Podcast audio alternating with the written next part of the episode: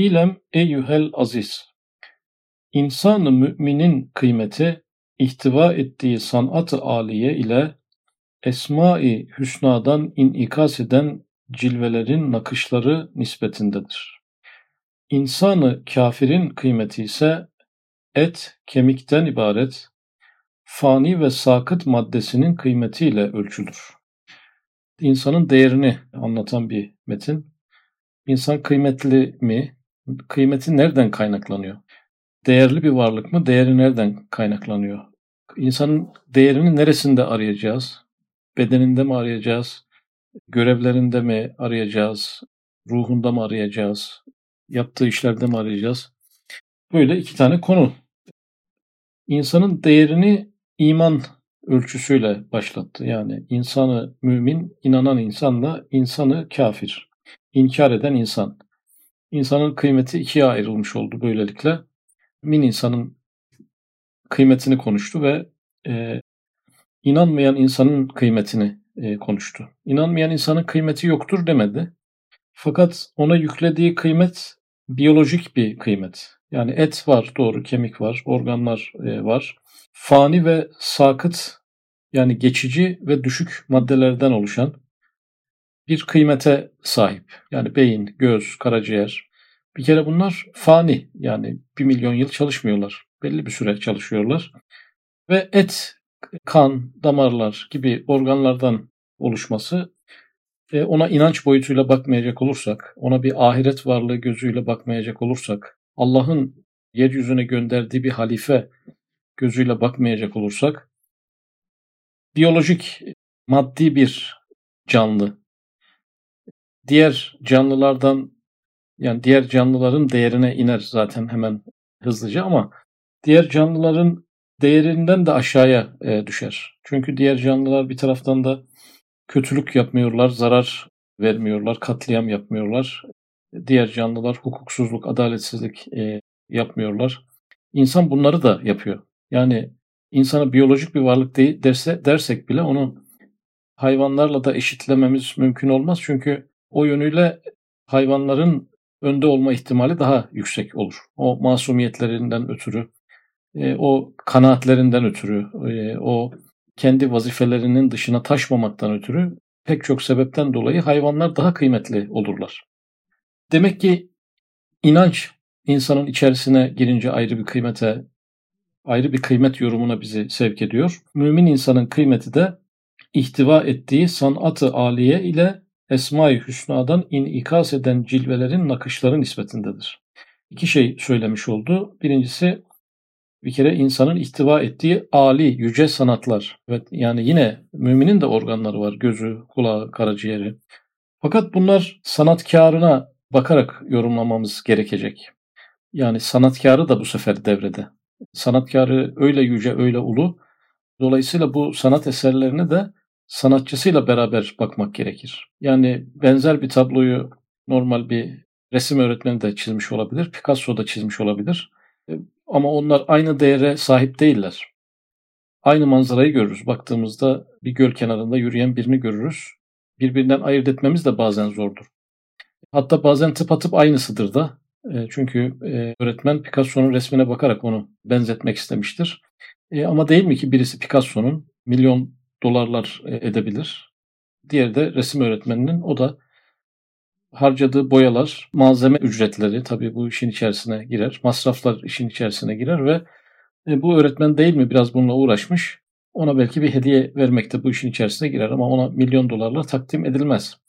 Halbuki e, tabloyu evine asan kişi tablodan etkilenişi bakımından çok fazla farklı hissetmeyebilir. Evet insanı müminin de organları var ama bu organlar sanatçısıyla beraber değerlendirildiğinde çok yüksek değerlere ulaşıyor. Bu birinci boyutu. İkinci boyutu da Esma-ı Hüsna'dan inikas eden cilvelerin nakışları. Sadece organlardan ibaret değil. İnsan, insanın yaşamı var ve insan görevi itibariyle yeme, içme, uyuma için e, gelmemiş. O Rezzak ismi yansısın diye, Sani ismi yansısın diye, Şafi ismi bunun üzerinde yansısın diye. Cenab-ı Allah'ın bütün isimleri bu aynaya sığabilsin diye yaratılmış ve dolayısıyla aynanın değeri aynaya yansıyan e, tecellilerin değeriyle e, yeniden yorumlanması gerekiyor. E, dolayısıyla mümin insanın değeri onda yansıyan ilahi isimlerin e, değerleriyle ayrı bir değere daha ulaşıyor. Şimdi bu örneği aslında 23. sözün bir yerinde görmüştük. E, bir antika bir sanat eseri bir demirciler çarşısına götürülmüştü. Ona 5 kuruş 10 kuruş para vermişlerdi. Aynı ürün antikacılar çarşısına götürülmüştü. Orada çok yüksek değerler ifade etmişti. E zaten bu Mesnevi Nuriye diğer kitapların kaynağı olduğu için Sözler kitabının da kaynağı olduğundan dolayı bu cümleler orada demek ki o mevzuya dönüşmüş. İnsan da evet demirciler çarşısına gider. Yani biyolojik yönüyle tartıya gelirse, maddi yönüyle gelirse çok küçük bir değere onu sayarlar ama antikacılar çarşısına yani o sanatların kıymetini bilenlerin çarşısına giderse çok yüksek bir değere ulaşır. O da yüksek değeri kimden kaynaklı? Sanatkarından kaynaklı. Dolayısıyla bu metin 23. söze kaynaklık etmiş gibi görünüyor. Kezalik bu alemde eğer Kur'an'ın tarif ettiği gibi manayı harfiyle yani Cenab-ı Hakk'ın azametine bir alet nazarıyla bakılırsa o nispette kıymetdar olur. Yani insanın değeri şu açıdan böyledir, öbür açıdan böyledir dedikten sonra insan yerine bir de kainatı düşünelim. Kainatın değeri nedir? İnsanın değerini konuştuk. Kainatın bir değeri var mıdır? Kainata da böyle iki türlü bakabilir miyiz? Yani e, sanatçılı ve sanatçısız bir bakış atarsak kainatın değeri ne olur? İnsana sanatçılı bir bakış atınca çok yüksek bir varlık olarak karşımıza çıktı. Sanatçıdan koparınca çok düşük bir varlık olarak karşımıza çıktı. Bu koca uçsuz bucaksız kainatı da bir aynı mantıkla bakalım diyor. Onu da bir demirciler çarşısına ve antikacılar çarşısına bir götürelim bakalım hangi değerlere sahip olacak şeklinde benzer bir yaklaşım sergiliyor. Birinci yaklaşım Kur'an'ın tarif ettiği gibi manayı harfiyle yani Cenab-ı Hakk'ın azametine bir alet nazarıyla bakılırsa. Önce bir manayı harfiyle bakalım. Yani Kur'an'ın tarif ettiği gibi bakalım. Yani Cenab-ı Allah'a ait oluşu üzerinden yorumlayalım. Sanatkarıyla birlikte yorumlayalım. Özellikle Cenab-ı Hakk'ın azametine bir alet nazarıyla bakalım. Yani Cenab-ı Allah'ın büyüklüğü, yüceliği, aşkınlığı o cihette e, o işe yarayan bir alet. Yani Cenab-ı Allah'ın azametini bildiren, Allahu Ekber dedirten bir alet nazarıyla bakılır. Şimdi ya bir şeye alet olarak bakılır veya maksudu bizzat olarak bakılır. Alet olarak bakıyoruz kainata. Kainatta çok aletler var, bizim de aletlerimiz var. Ama kainatın tamamına alet demek değişik bir yaklaşım oldu. Bu neyin aleti? Cenab-ı Allah'ın azametinin bildirilme aleti. Böyle bakılırsa o nispette kıymetler olur. Eğer felsefenin dediği gibi manayı ismiyle yani hiçbir fail Halik ile bağlı olmayıp müstakili bizzat nazarıyla bakılırsa kıymeti camit, mütegayir maddesinde münhasır kalır. Kur'an'ın bakışı ifadesinin karşısına felsefenin bakışı ifadesini koydu. Bu felsefe yani bir saha ve bir dal olarak felsefe değil. Çünkü içinde bazen İslam felsefesi de oluyor. O da bizim manayı harfiyle baktığımız gibi bakabiliyor. Buradaki felsefe insan düşüncesi, beşer düşüncesi. Yani vahiyden istifade etmeden beşerin kendi zihinsel eforuyla ortaya çıkardığı beşer düşüncesiyle bakılırsa kainata ve aynı zamanda manayı ismiyle yani o şeye o şeymiş gibi onu başka bir bağlama taşımadan gördüğümüz kadarıyla baktığımızda ne yapmamız gerekiyor? Hiçbir fail Halık ile bağı olmayıp yani bir yaratıcısı veya bir yapıcısı üzerinden bakmayalım mana ismiyle bakılınca. Yani sanatçısını devreden çıkararak bakalım. Kendi kendine olmuş gibi bakalım. Müstakili bizzat. Yani kendinde var. Kendi kendine var. Ezelden beri var. Bazı filozofların öne sürdüğü gibi kainat ezelden beri vardır. E, kendi kendine vardır. Ezelden beri vardır. Bakılırsa kıymeti camit, mütegayir maddesinde münhasır kalır. Yani camit cansız, mütegayir, değişen, başkalaşan, yıpranan, bozulan, yaşlanan maddesinde aranır. Madde olarak yani maddede artık tartıya gelmesi lazım. Onun bir değerleri, e, onun Allah'ın azametine, ilmine, kudretine çıkarımlar yapmayacağız kainattan. Sadece maddesine değer atfedeceğiz. Böyle olunca bu madde de hantal bir madde. Daha küçük olabilirdi. Bu kadar büyük olmasına gerek yoktu. Bu kadar zengin olmasına gerek yoktu. Bu kadar çeşitli olmasına gerek yoktu. Bu kadar uçsuz bucaksızlığa da gerek yoktu. Çünkü zaten bir şey ifade etmiyor. Anlamsız bir feza içinde de hiçbir şey ifade etmeyen sanatlı varlıklar. Bu kadar hikmetli ve sanatlı ve sonsuz ama manasız. Manasız sanatlar. Şimdi bu gözle baktığımızda da maddeye münhasır kalır. Yani maddileşir. Maddi bir yorum yapmak zorunda kalırız. Kur'an-ı Kerim'in baktığı gibi bakmayız. Kur'an'dan istifade edilen ilmin felsefe ilminden ne derece yüksek olduğu şu misal ile tebarüz eder. Şimdi iki şeyi kıyaslıyor. Kur'an'dan faydalanılarak ortaya konulan ilimle Kur'an'dan faydalanılmadan felsefe ilminden faydalanarak yani vahiyden bağımsız olarak kainata iki bakışın farkını bir ayetle örnek verelim diyor. Kur'an-ı Kerim nasıl bakıyor? Felsefe nasıl bakıyor? Ve ceale şemse sirace. Güneşi lamba yaptık. Yani basit bir ifade gibi görünüyor. Bu ayeti üstad yani bu yaptığımız derslerde de çok karşımıza çıktı. Ben 7-8 yerde gördüm bu konuya e, özel önem veriyor. Çünkü bu ayet bazen insanın gözüne çok da basit gelebilir. Yani koskoca güneş bu mu? Böyle mi tarif edilir? Çapından bahsetse Kur'an-ı Kerim, içindeki maddelerden bahsetse, dünya dünyaya olan uzaklığından bahsetse böyle daha derin bir tahlil yapmış olmaz mı? Diyelim ki güneş dünyadan 1.3 milyon kez daha büyük. Böyle bir cümle kullansa Kur'an-ı Kerim bu bayağı gönülleri fetheder. Çünkü eski zamanlarda bunun bilinmesine imkan yok yani. Daha yeni ölçülüyor böyle şeyler. Dolayısıyla böyle bahsedilir. Güneşten böyle bahsedilir. Ama Kur'an-ı Kerim güneş bir lambadır diyor. Siraçtır diyor. Bu bu ayetten bir çıkarım yapacak. Bu hükmü Kur'ani Esma-i Hüsna'nın cilvelerine bakmak için bir pencere açıyor. Yani maksat Esma, Esma-i Hüsna'nın cilvelerine bakmak.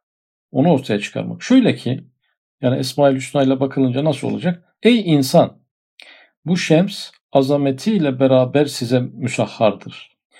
Yani Kur'an-ı Kerim bizim şu duygumuzu hareketlendirmek istiyor. Böyle büyük bir gök cismi 1.3 milyon mu milyar mı? Karıştırıyorsam bir arkadaş düzeltsin. Dünyadan 1.3 e, milyon kez daha büyük olan bir gök cismi bu kadar büyük olmasına rağmen yani dünya onun yanında küçücük, çok basit, çok küçük kalmasına rağmen size müsahhardır, hizmetkardır.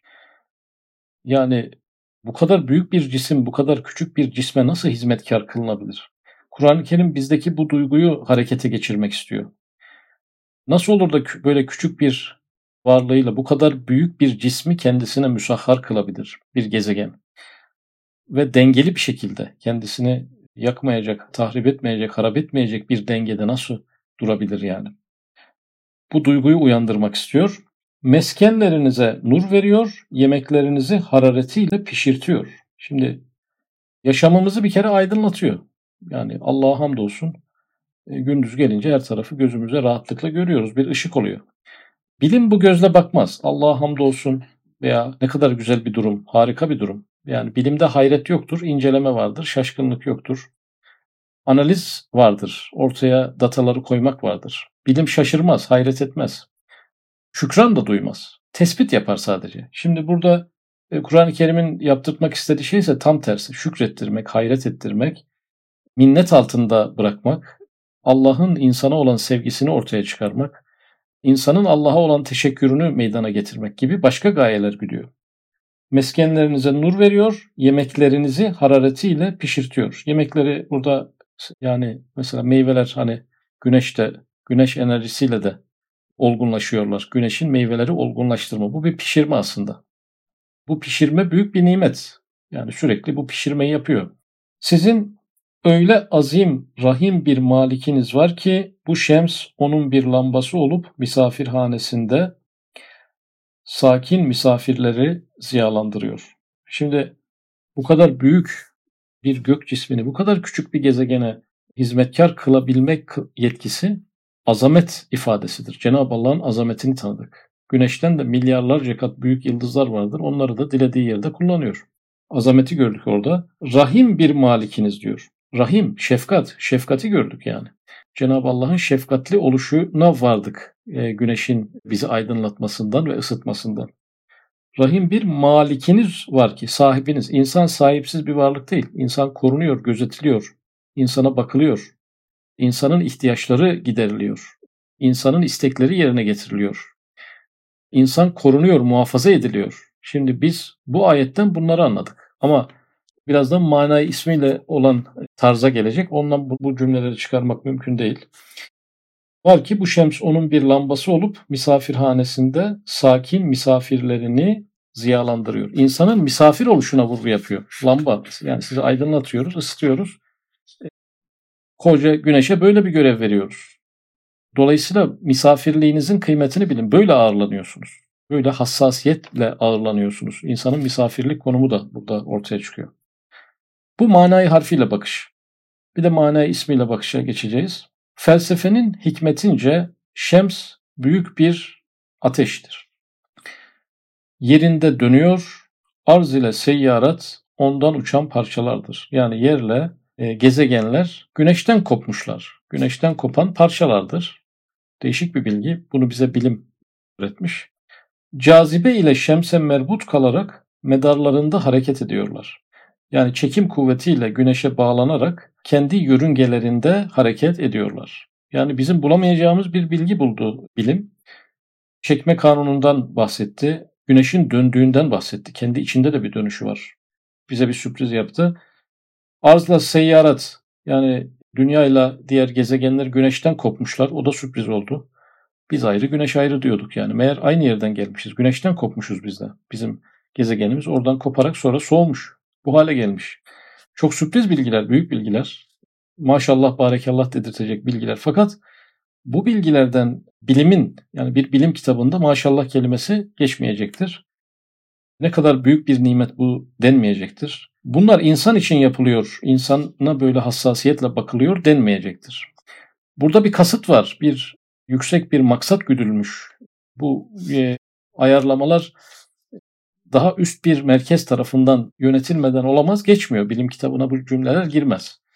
Bilim kitabı bir şeyin nasıl olduğunu anlatır, neden öyle olduğunu anlatmaz.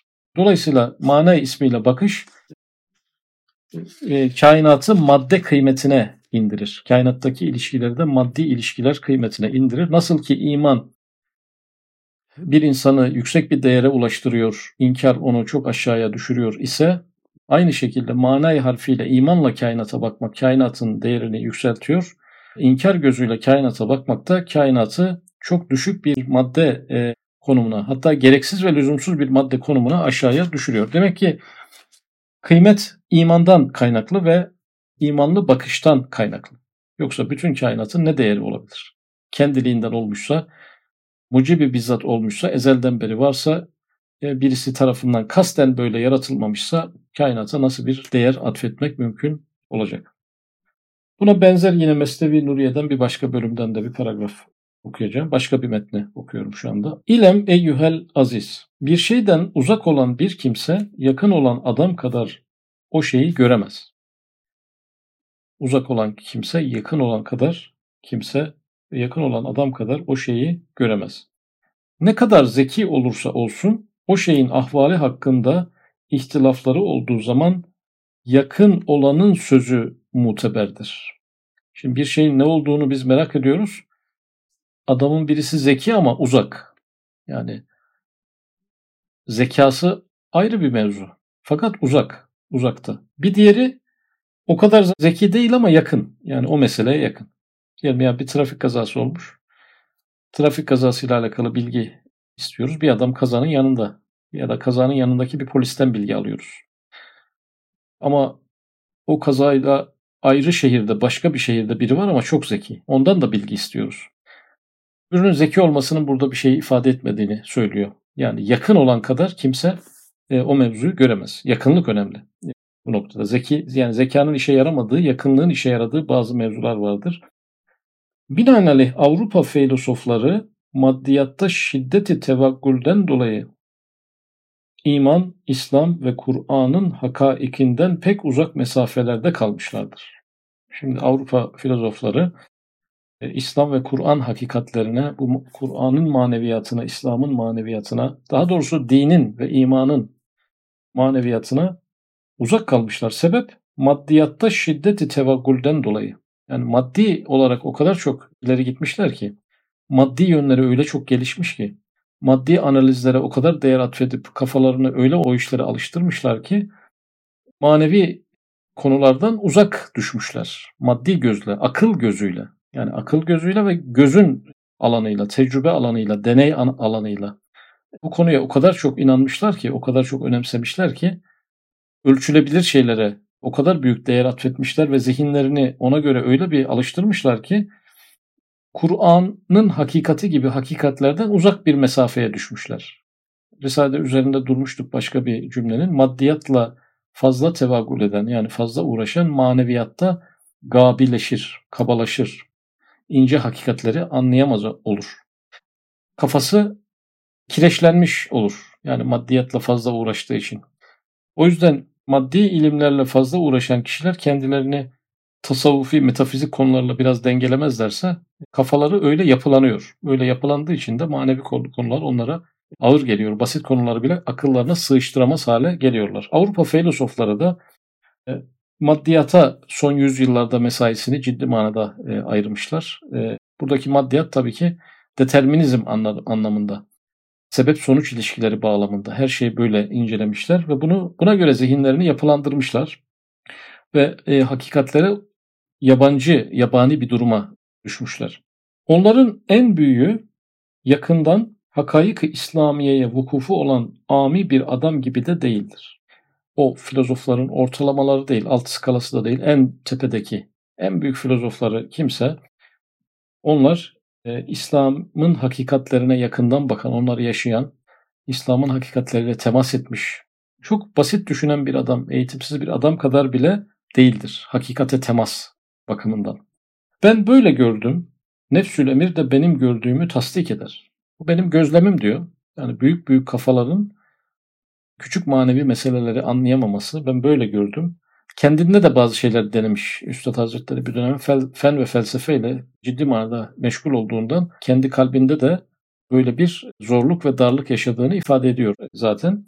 Nefsül emir de benim gördüğümü tasdik eder. Yani aslında ben böyle bir, bir hüküm söyledim ama bunun gerçeğe, vakaya bakarsanız Avrupa filozoflarının maneviyata olan yaklaşımlarına bakarsanız bunun böyle olduğunu zaten görürsünüz. Binaenaleyh şimşek buhar gibi fenni meseleleri keşfeden filozoflar hakkın esrarını, Kur'an nurlarını da keşfedebilirler diyemezsin. Yani buharı, buharlı trenleri keşfetmiş diyelim. Uçakları keşfetmiş.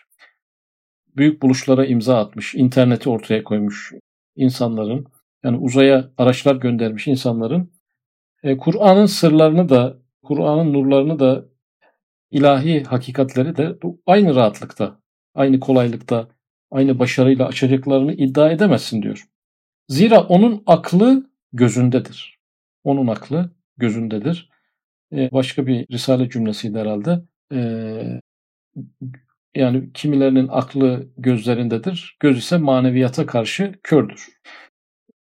Yani göz burada şunu deneyi temsil ediyor, tecrübeyi temsil ediyor, gözlemi temsil ediyor, teleskopları temsil ediyor, mikroskopları te- temsil ediyor. Ama yeter ki görülsün yani. Bir şekilde görülebilen şeylerle alakalı kendisini ben görmediğime inanmam diyerek gaybi olan şeyi, metafizik olan şeyi dışarıda bırakarak şunu demiş oluyor. Benim aklım, beynim gözlerimde çalışıyor. Yani gözüm bir ölçüdür benim. Bana görmediğim şeylerden bahsetmeyin. Gelecekte olacak işte ahiret, ölüm ötesi hayat bunlar laboratuvara girmediğine göre e, bu konuda herhangi bir bilimsel keşif yapılmadığı müddetçe yani bu kabirlere belli bir görüntüleme sistemiyle bakınca kabir hayatını görmezsek, ölen insanlardan herhangi birinin beyin sinyallerinde işte cennete cehenneme gittiğine dair bazı hissiyatlar yakalayamazsak bunları inkar ederiz. Çünkü bizim aklımız gözlerimizdedir demiş oluyorlar. Göz ise kalp ve ruhun gördüklerini göremez. Ama insanın bir kalbi boyutu var, bir ruhi boyutu var, bir hissi kablel vuku boyutu var. Yani bir şey olmadan önce hissediyor. Bir yerde olmadığı halde oradan oradaki olaydan haber alıyor. Bazı insanlar bir mekandayken başka bir mekanı görebiliyorlar. Yani bunu laboratuvara, teraziye, tartıya koyma imkanı olmayan yetenekleri var insanın. Göz ise kalp ve ruhun gördüklerini göremez. Çünkü kalplerinde can kalmamıştır. Şimdi onlar akıllarını çok kullanmışlar ve sürekli maddi meselelerle iştigal etmişler. İşin madde boyutuna çok fevkalade e, ehemmiyet vermişler. İnsanı da bir madde, biyolojik bir madde olarak ele almışlar. Hayata böyle baktıkları için kalp ve ruhu kullanmaya kullanmaya kalplerinde can kalmamıştır. Yani kalp neyle çalışır? Şükürle çalışır. Mesela duayla çalışır. Zikirle çalışır. Tefekkürle çalışır. Şimdi böyle hiç çalışmayınca yıllarca yani 20, 30, 40 yıl bir insanın kalbinden hiç bunlar geçmeyince, elini açıp dua etmeyince, bir şükür duygusu hissetmeyince o zaman o kalpler ölüyor tabii ki yani. Kalplerinde can kalmamıştır diyor. Yani o yüzden onlar buharlı treni keşfeder ama Kur'an-ı Kerim'i te- keşfedemeyebilir. Çünkü Kur'an-ı Kerim'i keşfetmesi için kalbinin ölmemiş olması lazım. Gaflet o kalpleri tabiat bataklığında çürütmüştür. Tabii bir de gaflet burada hissizlik, duyarsızlık, vicdansızlık böyle e, burada gaflet aslında aymazlık manasında. Tabiata bakıyor, görüyor ama kör gibi bakıyor. Niyetini ayarlayamıyor. Yani hüsnü niyetle bakmıyor. Oradan bir şeye varırım diye bakmıyor. O şeyin kendisine bakmaya çalışıyor. Hani bir filozof demiş ya ben size güneşi işaret ediyorum. Siz benim parmaklarıma bakıyorsunuz. Her şeye bir işaret olmasına rağmen işaretin kendisine takılıp kalmışlar. Dolayısıyla burada gaflet onları basmış. Determinizm gafleti, madde perestlik gafleti o kalpleri tabiat bataklığında çürütmüştür. Kalpler ölmüş ve bir şekilde tabiat yani yine burada determinizm anlamında kalpleri çürümüş olduğu için bunlardan şunu beklemeyin diyor. Yani nasıl böyle büyük icatlara imza atıyorlarsa aynı şekilde bu zeki adamlar, bu kafalı adamlar, düşünceli adamlar mutlaka Kur'an nurlarını da anlarlar. İmanı da hızlıca ererler diye düşünmeyin. Çünkü kalplerini öldükten sonra o kalplerinde can kalmamış olabiliyor. Demek ki kainata ve insana manayı harfiyle e, Rabbi hesabına, sanatkarı hesabına bakılmadığı müddetçe ne kainat e, okunabiliyor ne de insan okunabiliyor.